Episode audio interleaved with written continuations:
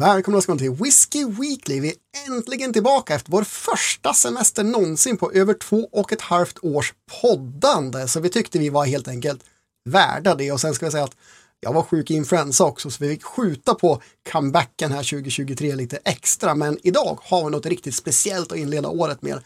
Vi ska ta ett helt nytt destilleri för svenska marknaden. Vi ska till Israel och Milk and Honey och prova igenom lite whiskys därifrån. Så det här blir riktigt skoj. Mitt namn är Daniel Speyer och med mig som vanligt från fjällen min kollega Jan Andersson. God morgon, god morgon, god morgon. Hej, hej. god morgon. Ian, du, du är inte ensam i stugan. Nej, men det är ju så här att jag har ju, jag har ju min eh, åkbroder med mig, Ronny the Rocker Norberg. Han måste ju liksom snygga till äh, avsnittet här kände vi när vi ändå var uppe i fjällen. Det går åt. ja, ni, ni har ju på er eh, rätta skidutrustningen här med briller också. Ja, jag, jag, tycker ändå det syns vem som är snabbast av oss. Liksom. Jag passade mina retrobriller och han är snabb jävla där bredvid. Det är svårt att hänga med alltså. Ja, äh, det låter som ni kommer ha ganska bra dagar där uppe i, i fjällen och åka skidor i alla fall. Ja, eh, absolut. Men gud vad kul, om man sitter i Vemdalsfjällen i Sverige så ska man dricka israelisk whisky. Det är ju helt nytt för alla i världen, men framförallt just för oss här idag. Ja men det är det och de, de kom ju på Systembolaget för, ja nu är det väl kanske två månader sedan ungefär. Men eh, det är inte jättemånga som har hunnit köpa de här. Andra november börjar de sälja dem. Mm. Eh, så jag vet inte hur många som har upptäckt det här destilleriet än, men jag hoppas att fler får upp ögonen för det nu, ja, ifall det är bra whisky ska vi säga.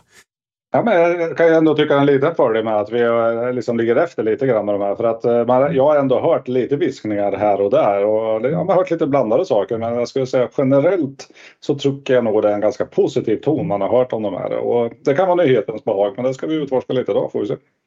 Ja, för att de har ändå hållit på en stund nu. De började 2012 med planerna och 2014 var man igång och destillerade i, mindre skala. Då, men man har ändå hållit på då i 7-8 år Eh, med att destillera. Så någonstans måste de ha lärt sig lite grann och vi kan väl berätta lite om destilleriet, eller det blir kanske min, min uppgift här att göra det. Och eh, Milk and Honey, liksom, vad är det för namn? Det är ju ganska konstigt namn, mjölk och honung, det är inte det man kanske drar sig till när man tänker whisky, men det är alltså the land of milk and honey som Israel har pratats om sedan bibliska tider och som de också har, kanske inte officiellt marknadsfört sig med, men det har hängt med ända in i modern tid. Eh, att det är the land of milk and honey och loggan för destilleriet det är ju lite eller liten, det är en väldigt tydlig anspelning på, på det här milk and honey där man har korsat en get med ett bi. För att det är då getmjölk eh, med honung. Dock ska det sägas, så här kommer lite nörden in då, att honungen det pratas om på den här tiden, den bibliska tiden, mest troligt var inte honung ifrån bin, utan honung som man gör av dadlar, som är väldigt typisk i den här delen av Mellanöstern och inte bara Israel utan regionen. Så ja, där har de menat lite grann tycker jag. Alltså, jag måste säga att jag, jag har faktiskt inte analyserat logotypen så noga. Men till att börja med så börjar jag undra ifall israelerna vet vad en get är. För det där för mig är ju en tjur vilken dag som helst i veckan. Och sen så undrar jag hur fan de har mjölkat den där dessutom. Liksom. Så att nu börjar jag bli lite orolig även om det var för några minuter sedan. Uh, men det finns otroligt muskliga getter som har horn sådär. Men ja, jag håller med. Om man inte vet om, det, det här är min tolkning av det, att det är milken honey och det då ska vara en get. För det är getmjölk man har haft i regionen. Um, så det kanske ska vara en tjur. Jag kanske är helt ute och cyklar. Det vore ju riktigt roligt faktiskt. Det drar mig tillbaka till den här Kingpin-filmen när de ska mjölka tjuren. Eh, jag känner att vi börjar med några rejäla sidospår här. Vi kanske ska hoppa tillbaka in på, in på spåret och eh, prata lite whisky. Men alltså Milken Honey. Jag, jag, jag, jag, visste inte om det här. Det här har ju du liksom eh, kollat upp nu. Och jag, jag har ju testat lite innan avsnittet och jag tyckte Milken Honey, jag tyckte det var ganska trevlig liksom, överskrift för den whiskyn som vi ska dricka. Det är, det är en viss... Eh, alltså man har ju viss eh, kanske föreställning om hur en whisky ska vara. Om man hör milk and honey då kanske man inte brukar använda milk men vi har ju creamy, liksom lite gräddiga toner, lite mjukare, kanske typiska lite tjockare så bourbonlagrade whiskys, lite mjuka, lite gräddiga. Och honey, det, det, det är ju definitivt någonting man kan hitta i en whisky. Och, eh, Nej, men jag tycker ju det här passar in på mer den historiska nivån. Vi kommer väl komma tillbaka lite grann till när vi provar whiskyn.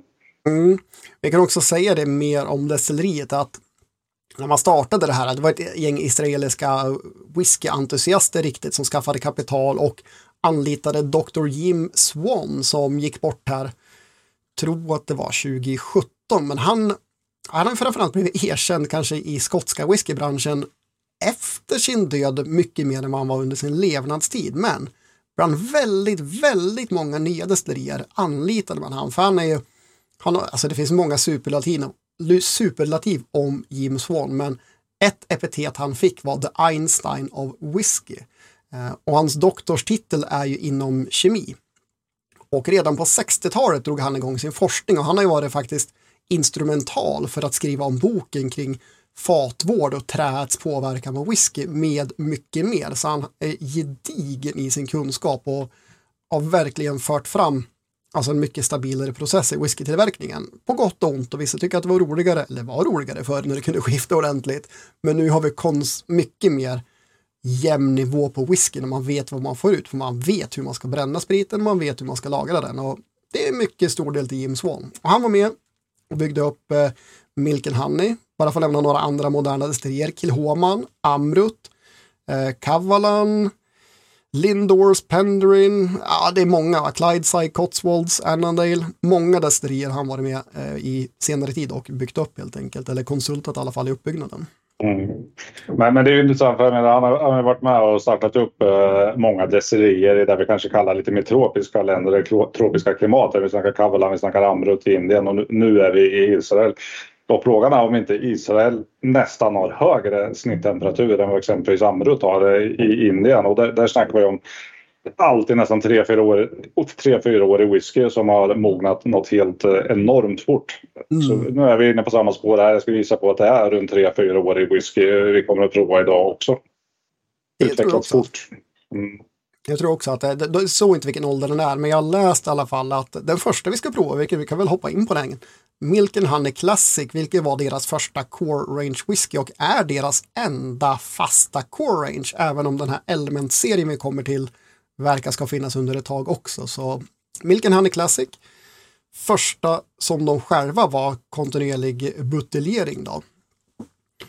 Och, ja, alltså det här ska ju ändå vara liksom lite deras röda tråd, deras eh, grundwhisky, deras eh, destillerikännetecken kan man säga. Precis, och eh, den här är då lagrad på X-Bourbon och då också Red Wine STR-fat, alltså Shaved Toast och Reshard. Så beroende på hur, vad det är för revningsfat så kanske det inte är kvar så mycket om de har hyvlat dem rejält och sådär. Men det har de lagrat den med. 46 procent, en 70 och ganska bra pris för fat som nytt destilleri importerat från Israel på 699 eh, kostar den nu. Den har höjt den två kronor efter skattehöjningen här efter nyåret. ja. Nej, men, men, det är ju intressant alltså. För om man tar eh, en typisk bourbonlagring så, så brukar det ju det, det brukar vara en maltig whisky, det brukar vara mycket liksom äpple, päron, färska frukter, det brukar vara vanilj, det brukar vara eh, ganska fräscha toner i. Men det här, det här känns ju direkt att det är ju inte en ung, pyrung bourbonlagrad whisky. För det här är ju ganska, det är ganska tunga toner i det här. Och det ja. båda du och jag konstaterade i början att den är ju oerhört maltig den här whiskyn. Alltså det, det är en krämig, eh, nästan havregrynsgrötig liksom textur och, och lite smak och ton i den också. Mm. Ja men verkligen. Den är men, väldigt krämig och tjock. Ja, från både näsa och smak när man tuggar lite på den. Väldigt krämig och intressant maltighet för den går ihop rätt mycket med det här är en väldigt söt whisky också. Eh, och jag tycker att du var ganska inne på att det är en viss honungssötma men definitivt ganska mycket vaniljsötma också, så nästan som vaniljsocker i, i sötman med, med en honungsbit. Eh, inte så mycket fat på näsan egentligen jämfört med, med sötman och maltigheten, men lite grann. Men, men det kommer lite fat i smaken. Och, och det skulle jag kanske gissa på SDR-faten, att du, du har en viss liksom, lite bränd touch, du har lite ekighet. Men, men framförallt om, liksom för att vara en bourbonlagrat så är det ju inte de här typiska liksom lätta fräscha stenfrukterna utan det här är mer mogen, lagrad nästan in på lite tropisk fruktighet. Liksom. Så att, mm. ja, en, en, lite tyngre Highland whisky på bourbonfat kan man väl närmast jämföra med om vi skulle fara över till Skottland. Liksom. Ja, men jag, jag skulle vilja säga att den är ganska tydligt pepprig. Men den tar inte över för det är så pass mycket sötma så de spelar med varandra rätt bra. Och det, är mer, det är mer den här kompakta sötman som jag har svårt att dra ut i en speciell fruktriktning. Det skulle kunna vara övermogen tropisk frukt, ja, men jag tycker det inte smakar riktigt tropiskt heller utan det, det är en sån ganska sammansatt sötma som är svår att plocka isär just nu faktiskt. Nej, men jag håller med dig. Det, det är inte fruktigheten som är i fokus på den. Den, den ligger lite mer i bakgrunden. Det är maltigheten och det är lite vanilj, lite oat, oatmeal. Inte, inte komplex, men väldigt goda smaker i det den har. Finishen, inte lång. Eh, ty tycker den eh, dyker rätt snabbt, även om den har en lätt finish med lite rostade toner som ligger länge. Men mesta av smaken klingar av relativt fort. Mm. Jag tyckte den var pyttelite sprit i början. Jag tycker den lagt sig nu när den har fått stå och lufta. Men den är ändå relativt ungdomlig, ganska unga toner. Även om det är ganska bred, det är ganska mycket. Det är liksom typiskt tropiska whisky. Det är ganska mycket smak, men det är inte komplext, det är inte jättebalanserat och de dör ut ganska fort. Liksom. Mm. Ja, men en bra sammanfattning. Men just det att den här är värd att låta stå minst 15 minuter, kanske lite längre för att få bort de här sprittonerna som definitivt fanns där när den var mer nyhälld. Mm. Ja. Vad ska vi sätta betyg på den också kanske? Du, du är ju inte din traditionella miljö nu igen, så nu får ju alla tittare och lyssnare ta det här med en nypa salt då. Men du har ju glasögonen på dig. Jag, tycker, jag kan inte bedöma färgen för allt är jävligt gult just nu kan jag säga. Så att jag tror inte det blir en rättvis bedömning. Men å andra sidan så brukar vi skita i färgen oavsett. Nej men alltså jag tycker det här är, det är en trevlig whisky. Jag kan inte sätta jättehögt betyg på den. Dock skulle jag säga att det är ju inga ben i det. är ju inga off-notes, ingenting som är fel i den. Så han når ju upp till 80 poäng. Eh, jag tycker inte den når upp till 80 för att så bra kvalitet är det inte även om den är väldigt bra för sin ålder. Men jag skulle nog kunna, ja men låga 80-tal, 81, 82, vi säger 81 och halv bara för att krångla till det för dig i Excel-filen. ja, jag sätter inga halvor, då blir det 82, jag rundar uppåt. Eh, jag tycker också ja. att den här förtjänar en, en riktigt välförtjänt 82. För priset också väl prissatt, den har 599, det är 70 vi snackar om, de snålar inte på en halv liter. Så att, eh, nej men faktiskt en rekommendation på 82 poäng för att prova en israelisk whisky. Det är ju något väldigt unikt faktiskt.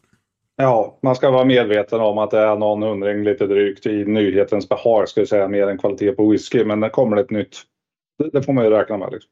Mm. Ja, men lite det, den faktorn jag räknar med i den prisbedömningen. Jag tycker vi går vidare på Elements-serien, det är den vi har. Va? Och eh, då börjar vi med, ja Ian, nu får du säga vilken vi börjar med, för vi har inte hällt upp dem i exakt samma ordning. Ja, jag börjar faktiskt med den som heter Red Wine Cask som är den som inte har fått någon information av. Eh, det var, det var en annan som jag fått. Men med min tolkning, speciellt med tanke på klassiken och de andra här nu då, så, så, så elements, alltså grunderna, grundämnena, så är det väl de här faten de framförallt jobbar med. Då. Så bara för att säga vad, vad det är vi har framför oss i elementserien här så är det en Red Wine Cask, det är en Sherry Cask och sen är det en Peated eh, Isla Cask. Alltså inte en Peated Whisky utan den har legat på, på ett före detta Isla-fat. Jag, jag, tycker vi börjar med rödvinsfatet. Jag tycker den är lite mildare i tonerna även om eh, det finns vissa, ja men det är lite tannin i den här faktiskt, det måste man säga. Mm, och en väldigt rolig sak med rödvinsfaten är att det är israeliska rödvinsfat och det har jag aldrig smakat varken ett vin eller whisky lagrat på förut så det är totalt nytt för mig. Jag har eh, druckit israelisk rödvin har jag gjort faktiskt. Ja, okej. Okay. Eh, och som sagt, den här finns inte listad på Systembolaget under Milken Honey nu. Jag vet inte om den har ett hemligt nummer eller något. Så det var inget pris på den, men de andra i serien ligger på 8,57 respektive 8,80. Så att i de slängarna skulle jag väl säga att den här ligger på mm. också ifall den dyker upp igen då. Och på första whisky nämner vi att det är bra om den får stå och lufta en 15 minuter, en kvart sådär. Men eh, det kan jag säga gäller minst för den här också.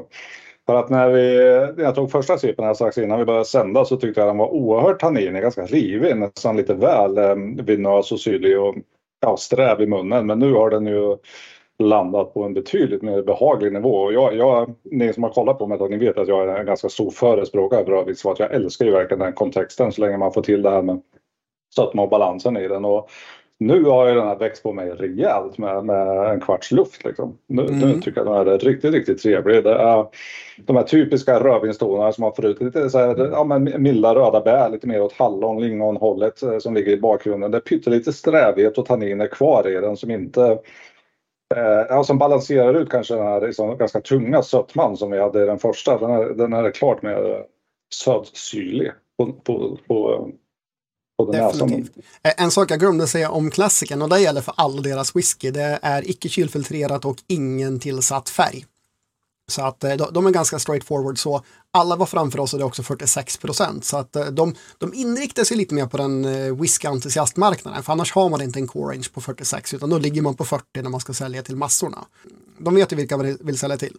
Det är ju liksom 3-4 plus i kanten att man lägger sig på 46 och inte på 40 dessutom. För att nu, nu kommer det upp så pass mycket i, i kraft och, och, tryck i whiskyn så att smakerna verkligen liksom får framträda. Och det, det, det, händer inte när den är på 40 ska jag säga. Så 46 det är ju, det har jag sagt förut, det är ju min optimala alkoholstyrka i en whisky. Det ligger på 46, 46,5 så många ligger på strax under 47 där. Och det, här är... det, det är hårfint band där på en halv procent som man ska Ja men du, du vet, du har ju den här liksom skattegränsen som har varit på 47 procent i, i Skottland. Så det är så oerhört många whisky som ligger just där på 46, 46,5. Ja. Som för att inte gå över den här skattegränsen som jag inte tror finns längre men som fanns förr i tiden. Så är det. Eh, mer om den här whiskyn innan vi pratar ännu mer doft och smak. Så att eh, hela 60 procent är faktiskt ex-bourbon cask och bara en fjärdedel är rödvinsfat. Men trots det har de fått in mycket av de tonerna i den. Eh, resterande 10 procent STR-fat kan då vara rödvinsfat igen, men står bara STR-fat. Och 4% är Virgin Oak. Så en liten, liten släng sånt har de fått med också. Ja, The Rocker han stönar lite i mitt vänstra öra så jag tror han uppskattar den här också. Jag tycker den var ganska trevlig. Ja, den var riktigt bra faktiskt. Men, äh, ja, i min stil helt och hållet. Mm, och den här som, jag, jag tycker den, den, har förändrats karaktär nu när den luftat till det bättre. Mm. Tidigare så var den nötigare, men däremot tycker jag att den är lite mer choklad och Kanske är det kokos som kommer fram istället för nötigheter. Men den här är också väldigt krämig och tjock. Det är mycket doft i den här också. Doftar riktigt fint gör den. Men mycket torkade röda frukter. Jag tycker nästan övermogna jordgubbar hittar jag i näsan på den här. Väldigt trevligt. Ja, men det, det tycker jag är helt fel. Men, men förutom det så röda bär köper jag. Men det som jag gillar framförallt i den det är ju att eh, strävheten som jag tyckte var lite otäck i början. Den finns kvar. Nu börjar vi snacka, tycker jag, mer åt eh, alltså den sån lite färska råa lingon där du har den här liksom lite bäskan, den, här, den lite strävheten i den. Mm. Som jag tycker är faktiskt magiskt bra tillsammans med sötman som finns i grundwhiskyn i bourbonlagrade whiskyn. Liksom. Så att nej, den här, eh, den här har växt på mig rejält. Den här eh, tycker jag klart ha skiten ur klassikflaskan. Ja, men speciellt i smaken nu. Och där, alltså det är mycket mer rödvinstoner i den. Så den, den har en bäska och väldigt vinösa toner i sig. Och jag undrar om israel israeliska viner smakar så här. Som sagt, jag har ingen referens. Du Ian har i alla fall en referens. Men väldigt intressant alltså, smak. Jag har druckit israelisk rödvin en gång och det var knappt drickbart där jag satte in. Jag kan säga. Så att det, det finns ingen bra referens där. Men okay. det finns säkert jättebra vin också. Den här har lite längre finish. Eller den, har, den här har mm. mycket mer finish än vad klassiken hade också. Ja, men jag tror tanninerna och strävheten sitter kvar eh, en hel del. Det är ju inte sötman som ligger kvar liksom. Nej, däremot så ligger en liten tjockhet kvar i, i, i gommen faktiskt hela tiden. Vilket är intressant. Den här är ju ännu krämigare än klassikern. Väldigt intressant. Men nej, tycker det är spännande det du sa. Näsan väldigt, väldigt eh, övervägande söt, även om det finns en del, inte så mycket tanniner, men det finns lite, man känner lite fathugg i den. Men i smaken, som du precis sa, sötman har en helt annan omfamning av en beska som gör den väldigt balanserad ändå. Jag var lite rädd att den skulle vara översöt även fast den hade fått luft då. Ja, jag måste säga att jag tycker den här når faktiskt upp till 85-gränsen med, med nöd och näppe. Det är en bra balans mellan tannina, rödvinet och den söta liksom, bourbon whiskyn som är till grund. Mm. Frågan är om den, om den går längre än så, men är väldigt, väldigt trevlig. Alltså den här ska jag kunna dricka eh, vilken dag som helst. Nej, men jag, jag sträcker ut hakan och sätter en 86 till och med. Han får, han får en ökning med en pinne där på 85 styck. Mm. Jag är inne det är definitivt en 85 Den här är den spannet, det här är riktigt bra whisky. Och så jädra kul unik på ett bra sätt. För att unik behöver inte vara bra. Oftast inte, men den här är unik i, i sin ton. Och ja, men jag, jag sätter 85, den har upp dit. Den skulle kunna vara högre en annan dag, men nej, 85 får den idag. Också rekommendation om den ligger på sitt pris runt 8,80 för det är fortfarande en 70 och vad man skulle kunna säga är craft eh, whisky faktiskt. Så att, eh, mm, väldigt, väldigt kul. Ska vi tugga vidare på eh, uh, sherry Ja, ja redan tugga borde jag ta Det är svårt att tugga med näsan, men jag sitter och doftar där och känner att eh, och att jag måste fråga dig, du som har facit framför. Är det, kan det vara så att den här faktiskt inte bara är sherrylager utan att det finns lite birdburn i den här med? Ja, det är 55 procent ex-bourbon, 40 procent ja. sherry och 5 procent eh, STR.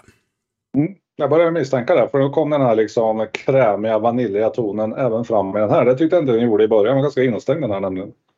Ja, nej, men den här behöver också luftas. De ser inte exakt fördelningen mellan olika typer av sherryfat, men de nämner både Oloroso och eh, Pedro Jiménez eller PX-fat. Att de har med sig det från Jerez, alltså det är riktiga är inte israelisk ful sherry om det nu finns ens. Utan det, det är riktiga sherryfat ska det vara. Nej men det, jag köper det. Alltså, du har eh, både en sötma och en beska från båda faten känns det som i den här. Så det är ganska den här är lite mer komplex måste jag säga. Det, det är lite mer ingående mm. komponenter känner man redan. Det, det andra var bourbon med lite rödvinstouch men det här är definitivt Ja, det är en kompott av, av, helt olika karaktärer som gifter sig tillsammans ganska bra på näsan. Jag har inte kommit så långt som att smaka än, men på näsan så gifter de ihop sig ganska trevligt tycker jag. Ja, riktigt, riktigt fantastisk näsa och eh, en liten kul detalj om sherryn är det att det är korserfat. Alltså eh, kors, korser är någon sorts grej inom eh, judendomen att det är okej okay, okay och godkänt för ja, men judar att äta och dricka korser. Ja. Ehm, så det ska det vara, världens första korserlagrade sherry whisky. Ja, skål för det, vad det nu innebär. ja, precis. Säkert vegansk och vegetarisk och allt möjligt också. ja, men det brukar gå ganska bra hand i hand om jag inte är helt ute och cyklar nu. Men är det korser så är det ofta bra för andra redlevnadsmänniskor också. Nej men du, alltså den här i början, den här trodde jag inte skulle vara med och tampas faktiskt, eh, måste jag säga. Men det här eh, har det hänt grejer i nu, måste jag säga. Ja, alltså. Jag, jag är ledsen om jag är lite för god för dig. Du får, du får lugna ner dig. Ja, ja. Men alltså det har ju växt till liv en toffisötma den här nu. Eh, som är väldigt, inte, inte obehaglig. Eller kanske eh, en karamelliserad sötma mer. Men väldigt eh, trevlig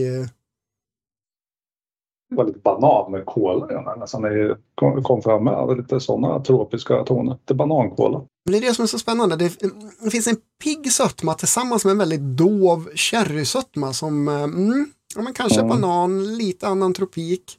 Men näsan är ju mm, men jag är ju, jag är ju eh, bourbon-grobian så att säga. Jag brukar inte eh, föredra sherrykask men det går ju få till, det går ju gifta fantastiskt bra blandningar och finisher med både bourbon och sherry. Och den här, eh, det är inte en av de sämre giftermålen jag har varit med om faktiskt. För den här verkligen blir väldigt balanserad mellan, mellan just de lite tyngre sherrytonerna. Nästan, jag tycker lite banankola som blir resultatet dem emellan. Och det, det... Ja, det, den lirar väldigt balanserat i smaken. Alltså, den, den är väldigt mycket sherry i sig, men den har en beska som är nästan lite, lite syrlig, väldigt fräsch beska.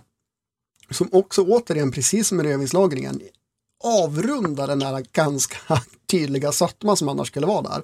Som gör mm. den här väldigt trevlig.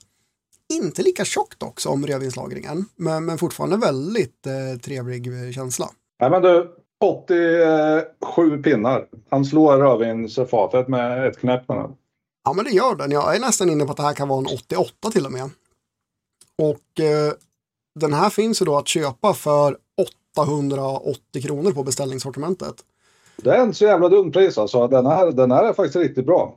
Jag skulle nästan våga säga att det är ganska prisvärt vare sig den är ny eller inte. Den här, den här var riktigt bra alltså. Ja, här har de verkligen lyckats med receptet. Den här, den här var grymt bra. Ännu bättre. Det här är ju, nu får vi se Peter om den lever upp till förväntningarna för att jag, jag tycker vi hugger in på den. Och ser vart det tar oss. Också 70-46 procent då, såklart. Har vi något att berätta om whiskyn då? Vi kan säga att det är 41% ex Isla-fat och det är där rökelementet kommer in. 40% bourbon, 15% STR, 4% virgin cask. Så att eh, så vitt jag läst mig till så är det ingen rök i själva destillatet utan det är bara då tillsatt ifrån de här ex Isla-faten. Och, och, det är ju inget snack om att det är rökig whisky som är inblandad i den här. Det är ju ganska framträdande för att vara en eh, delmängd av ett Isla-fat bara. Och jag skulle inte säga att den är, den är inte jätterökig men den är ju torvig. Den är jordig och torvig i doften. Den är ganska tydlig ändå. Mm, speciellt torvig och det är intressant för annan ex Isla whisky som jag har provat har ju inte riktigt fått med sig de här tonerna och eh, det kanske är helt enkelt att värmen gör någonting att det snabba mm. utbytet med, med eken gör att man får ut de tonerna, inte annat ur fatet. Och den är ju dessutom, som vi, som vi gärna slänger oss med, maritim. Alltså det, du har en havsig känsla, både, både sältan, en havssälta, men sen har du lite åt det här liksom kända, men lite ostron, mussleskals tonen i det som känns som eh, nä, nästan lite tångig i doften också. Ja, den har liksom en lurig torvighet. Alltså ja, maritim, jag köper det, men eh... Den har det är ju ingen liksom, eh, barbecue-känsla. Det är ju stå vid, stå vid havet, någon har stått och fiskat och slängt upp lite gammal tång på en träbrygga. Liksom. Det är sån känsla. Åkte förbi på en måndag eftermiddag i taxin. ja, kvart över sju. Ja, det, det, det är också, det, det är definitivt bourbon influens i sig. Jag tycker det är, man, man går inte bort sig i vaniljen här. Men också lite trevliga ekiga, ekiga toner. Ingen av dem är överdrivet komplexa, men väldigt goda där de levererar och mycket det de levererar också. Den här är kanske den som också tydligast har haft faktiskt en, eh, ett stråk av citrus i sig. Ja, men den här är, den är klart eh, syrligare än vad de andra är. Alltså sötman finns ju där mer i doften ska jag säga, men i smaken då kommer en helt annan syra fram. Och jag kan tycka det är lite så här, ja, men lite kal, lite syrlig, askig rökighet i tonen. Men... Ja, men mineralig. Mm. Ja, mineralig. Metall, lite metallisk, lite mineralig sådär. Mm. Men vad fasen, den här är ju också jättetrevlig. Ja, den är kryddig på ett helt annat sätt alltså med, med antagligen med de här Ayla-faten. Jag måste säga att jag är tagen lite på sängkanten här. Alltså, jag trodde inte att det skulle vara så här bra whisky vi skulle dricka ikväll. Nej, och nu är det många som hyllar, nu snackar tropiska destillerier, va? Kavalan och Amrut. eh, Det är väldigt bra whisky. Jag tycker att de här slår sig väldigt bra med, med eh, de destillerierna. För att jag, jag måste jämföra dem, för det är tropisk lagring, det är kort lagringstid, hög Angels share. Så att eh, jag skulle inte säga att de är bättre eller sämre än någon av dem, men det är en eh, tuff fight bland kvaliteten på whiskyn. Riktigt trevligt. Den här går då loss på 8,57 för en, en 70 precis som de andra då. Jag tycker nog det här är en helt annan karaktär och som sagt en, en annan sitter i en vinterstuga uppe i fjällen och då, då, då passar ju rökwhisky och kär- alltså lite tyngre smaker. Det passar lite bättre. Men den här ligger nog på en 87 av den med tror jag. Alltså den är, den är över 85 och sen så ett, ett snäpp eller två till. Och den här sitter riktigt bra just idag faktiskt. Det gör det och den här är också så här skönt krämig så det är ju någonting Mm. de verkligen har fått med sig i den här Element-serien. Finishen är väl minst lika lång som i eh, kärren Sharon tycker jag, ganska mycket som kommer med ändå. Ja, men den är snygg, den här är det här är den aggressivaste smaken, alltså det är mer beska, det är mer tydlig pepprighet, har en skön underton och sötma istället. För att det är det, det, det dominerande och eh, de erbjuder lite något för alla här med den här uppställningen ska jag vilja säga. Från det absolut söta till den här som är mer aggressiv direkt. Inte ung i tonerna heller, den, den här är färdiglagrad. Den här behöver inte ligga längre. Nej. Men jag gillar ju alltså när, antingen så har man bara en delmängd rökig whisky eller lagrar på rökigt fat för då, då det blir inte i sig en rökig whisky. Som sagt den är mer krämig, den är mer liksom där i, i, i framsätet men så har du den här liksom lilla touchen, den lilla umamin, den lilla smakförstärkaren som sitter i det här. Alltså, och I och med att eh, du får ganska mycket havssälta i det här så balanserar det ut den här ganska tydliga sötman som, som finns i den här whiskyn. Och det, här, ja, det blir en riktigt bra harmoni i de här. Alltså. Mm. Ja, men jag sätter också 87 på den här. Riktigt bra. Också en eh, rekommendation. Eh, jag tror jag sa priset 8,57. Vilken lina. Nu, nu väntar vi bara för att prova den här Apex, Apex-serien som är deras dyraste där det finns en Döda havslagrad whisky. Alltså, Ja, det är över måste 400 vi- meter under havsnivån tror jag som eh, Döda havet ligger. Så Den är lagrad där eller bredvid. Och också otroligt hett. Jag läste att 25 procents Angels share på ett år. Och de hade bara whiskyn i ett år i det lagerhuset och det förstår man ju. Ehm, men den ser jag riktigt mycket fram emot att få prova här någon gång framöver. vi bara hoppas att det inte är det vattnet de har destillerat på. Även då kanske kan komma in en viss sälta i whiskyn också. Med det, Ian, så höjer jag i alla fall Cherry Cask. En gång skulle jag ha tre glas kvar med lite i. Det är inte så jävla vanligt. Så jag skål på er. Skål på er och ha en trevlig whiskyvecka.